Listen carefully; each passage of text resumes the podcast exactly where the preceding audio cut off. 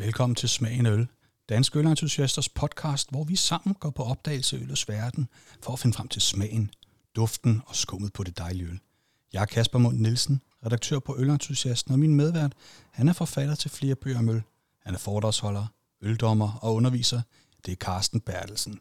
Og det her er Smagen af Øl.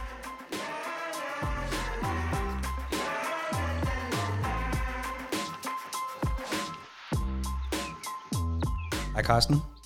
Hej Kasper. I dag der mødes vi her til, til en pilsner, øh, og det er jo noget, vi alle sammen har et forhold til. Det er den ubestridt mest solgte øl i Danmark. Øh, ikke bare i Danmark, men i hele verden faktisk. Men hvad er det egentlig en pilsner, det er? Det er jo først og fremmest den mest drukne på denne jord.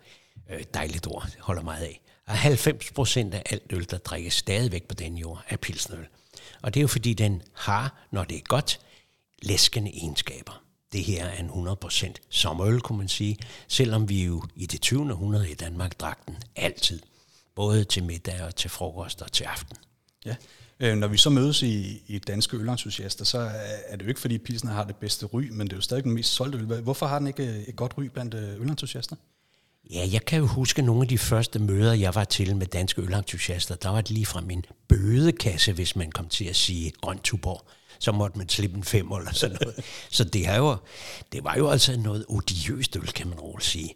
Og det er jo lidt uretfærdigt, og sådan vender jo skuden en gang imellem i havnen, så nu er vi jo ved at gå tilbage til de læskende typer, og man kan da godt sige, at der er en pilsner revolution undervejs og det har der faktisk været længe. Man synes, hvis man er en samvittighedsfuld brygger, så vil man gerne kunne holde sit bryghus så rent og pænt og klart, så man kan lave en skøn pilsner. Men det var jo fordi dengang, for mange år siden, da Dansk Ølentusiaster blev stiftet, 98 og frem mod årtusindskiftet, ja, så var det jo det overgærede øl, vi kiggede mod. Vi ville gerne have en brun Vestmal dubbel. Vi ville gerne have sådan noget, der var mere kraftig smag, og ikke øh, så sprødt og behageligt, som det her jo øl jo er. Men vi vil godt have de tungere typer, og de blev meget populære, og så blev de andre skudt ud, lagerøllet skudt ud. Mm. Men, men Carsten, du er jo forfatter til ølbøger, du holder ølforedrag, og du er også øldommer. Øh, så, så du har jo styr på, hvordan sådan en øl den skal smage, tænker jeg. Ikke? Hvordan øh, skal, skal en pilsnerøl dufte og smage? Øh, er det noget, du kan prøve at beskrive lidt? Det vil jeg meget gerne. Mm-hmm. Men ved du hvad, Kasper? Vi har jo to dejlige glas stående her. Det må vi jo sige, og vi er jo på Danske Ølentusiasters Ølfestival, så vi har fået udskænket en tjekkisk pilsner og en dansk pilsner. Så skal vi ikke lige snuse, for eksempel til den tjekkiske. Og den har jeg her, og jeg kan jo se på lødigheden, at den er lidt dybere i den gyldne farve end, øh, end den fra Skive. Og det jeg så gør, det er, at jeg lægger en finger på den ene næsefli og snuser øllet op, og så skal jeg helst have noget, der minder om ja, en kornmark. Sådan en kornmark, når den står duver i solen. Og der skal også gerne være lidt herbalt, altså lidt urteagtigt, og der skal være øh, noget dejligt frugt i fornemmelsen. Men meget hen af frisk korn. Jeg snuser til det, og så siger jeg til dig på godt tjekkisk, na stravi. Na stravi.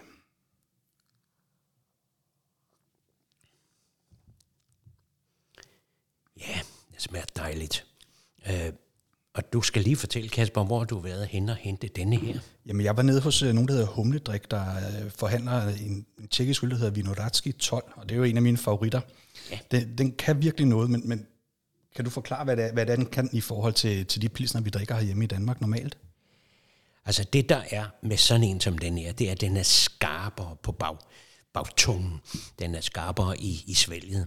Og det er fordi den er måske en smule kraftigere humlet end så mange andre af de ja, sådan maskinproducerede pilsner, som man jo ofte bliver mødt med, eller mødt af.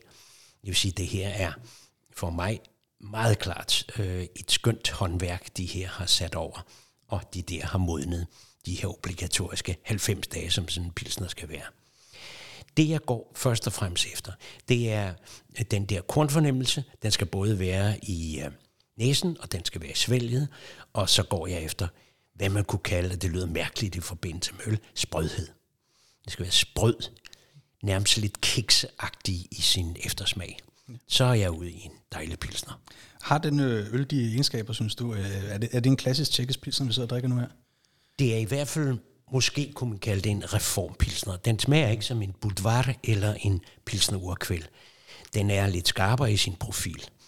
Og det er jo nok fordi, at de masseproducerede budvar og, og pilsner urkvæl, ja, de er, jeg vil ikke sige udpinte. Budvaren holder jeg stadigvæk forfærdelig meget af, men pilsner urkvæl er en lille smule udpint i disse tider, selvom det er jo det store forbillede på, hvordan sådan en pilsner skal smage. Men det her er en reformpilsner, vil jeg kalde den, og det vil sige, at den er kraftig og humlet. Og jeg kunne forestille mig, at de der obligatoriske 25 i bu- IBU, som skulle være i sådan en pilsner, er betydeligt skruet op her, så Og det er bitter enheder. det er bitter enheder. International Bittering Units. Jeg vil skyde på, at den er i hvert fald 35, den her. Skarp i profilen. Øh, ikke så meget sødme, som der godt kan være i sådan nogle pilsner her, men en meget sprød og meget, meget appetitlig øh, pilsner på de her 12 grader, som det jo hedder i god gamle Tjekkiet. Det er jo måske i virkeligheden det, som man kunne kalde for, for en craft pilsner i forhold til dem, vi drikker fra supermarkedet, som er en industripilsner. Ja, det er en craft pilsner. Og når jeg siger det med de 12 grader, så er det ikke noget med temperaturen, men det er 12 grader balling. Det er altså, øh, hvor meget sukker, der kan forgæres til alkohol. Og der ligger vi altså på, ja, en, lidt over 4 procent. Det er jo primært noget, man ser på tjekkisk øl, ikke? Øh, Der står grader på. Det Så tænker man, øh, er det procenter, vi får her, eller hvad er det? Men det, det er simpelthen et spørgsmål om restsukkeret i øllet.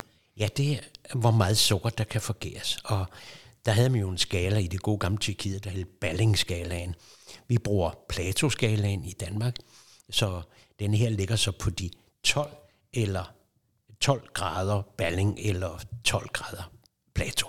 Og det er i navnet på øllen, der hedder Vinodatski 12. Ja. Øh, men der er jo mange forskellige typer af pilsner i, i verden, kunne jeg forestille mig. Det her det er jo en tjekkisk pilsner. Øh, så har vi, bare i Tyskland, der er jo også mange forskellige pilsner. Hvor- Hvordan finder man rundt i, hvad, hvad det er, man drikker, når du går ned og køber en øl? Ja, det må du nok spørge om. Så gælder det jo om at kigge grundigt på etiketterne, og det skal man. Eller søge råd, hist og pist, måske på en podcast eller på andre øh, folk, som arbejder inden for den her verden. Men altså, jeg synes, etiketterne i disse tider bliver bedre og bedre og mere og mere oplysende, og det glæder mig utrolig meget. Øh, jeg vil altid gå efter en øh, tjekkisk pilsner, hvis jeg vil have noget med en behagelig bitterhed og sprødhed. Hvis jeg vil have noget, der er en lille smule sødere i eftersmagen, så vil jeg nok tage noget bayersk helles, som jo er en vidunderlig stilart, og meget, ligger meget tæt op af det her. Og hvis jeg vil have noget lyst maltet øl, som er overgæret, så vil jeg tage noget kølsch pilsner.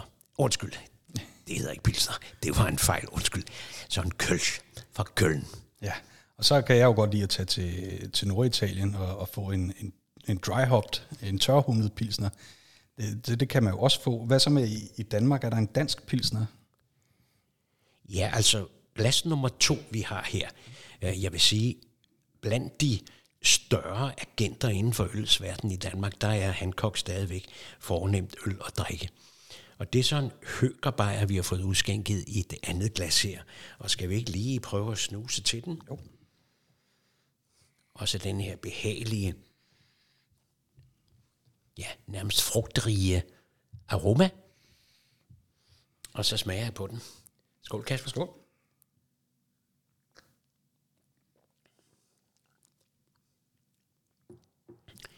Ja. Og hvad vil du så sige, Kasper, er den væsentlige forskel på de to typer? Jeg synes, øh, den, den fra høgeren fra øh, Hancock, den er, er meget mere læskende og let at gå til. Øh, jeg synes, kornet får, får mere plads i, i den her øl. Fuldstændig rigtigt. Og øh, der er en meget behagelig øh, kulsyre fornemmelse her, som du siger, er læskende. Øh, den tjekkiske craft beer har en skarpere profil. Ja, den er, er, klart mere bitter, Ja. end den her er. men en meget, meget fin pilsner. Og øh, nu tog jeg mig selv i en frygtelig fejl at kalde en kølsch. Det røg ud af munden på mig en pilsner. Men der er jo det med Hancock, at de kalder det en høgerbajer, for det er bestemt ikke nogen bajer. Det er en pilsner. Ja. Og Bayern er mørk. ja, for når man øh, normalt kalder en øl for en bajer, så er det fordi, det er noget, der kommer fra Bayern. Ja, det er jo den helt store misforståelse i den gode gamle danske ølverden. Når vi råber til tjeneren, vi vil have to bajer, så mener vi garanteret to pilsner. Men det jo, det er jo simpelthen Jacobsens skyld, og jeg kan næsten se over til Carlsberg her, hvor vi sidder i disse herlige lokaler i Valby, kan se over til Carlsberg. Altså det, han indførte, vores gode Jacobsen, det var jo den bayerske undergærede type. Med den gær, han tog med hjem fra herr Sedelmeier nede i München. Der bryggede han som mørkt bayersk øl. Og det blev så vanvittigt populært, så vi stadigvæk råber op til tjeneren bajer og mener pilsner. Men den pilsner, som vi har drukket, første gang, jeg kan faktisk huske datoen, den 11. november 1842, der bliver så Pilsner Urkvæld for første gang udskænket på ølstuer i byen Pilsen. Og så bliver det lidt efter lidt en verdenssucces. Så dybest set, så er Pilsner jo i virkeligheden en ret ny ølstil i forhold til, til mange af de andre. Hvad, hvorfor kom den så sent i, i hus? Ja, det gjorde den jo, fordi at man begynder ret sent at bruge øh, undergær som den gær, man bruger i stor produktion af øl. Før var det jo overgæret øl alt sammen. Men så på nøjagtigt samme tidspunkt, så laver man så en undergæret bajer og en undergæret pilsner. Og så er det undergærens triumf, og det bliver jo den type gær, man bruger i alt øl i hele det 20. århundrede næsten. Næsten, ja. 90 procent af, af øl er, er pilsners typer. Ja, i hvert fald det, dem, det man drikker. Men så er der jo nogle tidslommer, og disse tidslommer, det er jo dem, øh, så nogen som os, der elsker at besøge ølbyer. Vi har jo også i slutningen af det 20. århundrede taget ned til de tidslommer, der var. Og det var for eksempel Altbier i Düsseldorf, og det var ind over grænsen til Belgien, og så smage det belgiske overgæret øl. Men det var tidslommer. Alt det øl, man drak, så at sige, var undergæret lagerøl. Nu øh, sidder vi med, med et ret klassisk, øh, for dansk standard øh, øl med, med høgeren her. Hvordan ser fremtiden for, for pilsnerølen ud? Den ser meget lys og lovende ud. Øh, på sådan en herlig øludstilling som denne her, og øh, den celebration, der har været for Mikkeller her for nylig, ja, jeg skal da love for, at der er mange, der prøver at lave pilsnøl. Det er et forsøg, og mange laver pilsnøl vellykket. Og jeg synes, det er en dejlig type øl at nyde en varm sommerdag. Og øh, jeg synes også, det her juicy IPA, eller hazy IPA, det kunne godt trænge til en, en modstander. Ja, Jamen, så kan jeg jo øh, på, på falderæbet anbefale, at man måske øh, kigger på dem, der hedder Cold IPA, som jo i virkeligheden er en undergæret IPA-type med, med nogle mere moderne humler, end dem vi sidder og drikker her. Det, begge de øl, vi drikker, det er jo SARS humle. Er, er det den sådan typiske øh, humle, man bruger til at brygge en pilsner? Ikke nødvendigvis. Carlsberg brugte Hallertau Mittelfrø, altså Bayers humle. Men Sarseren er jo kendt og elsket, og den bruger man selvfølgelig, hvis man er patriotisk brygger i Tjekkiet. Og jeg siger tak øh, til Carsten for den gang. Vi, vi mødes jo nok til, til en ny øl på et tidspunkt. Det lyder hyggeligt. Jeg glæder mig. Cheers. Cheers.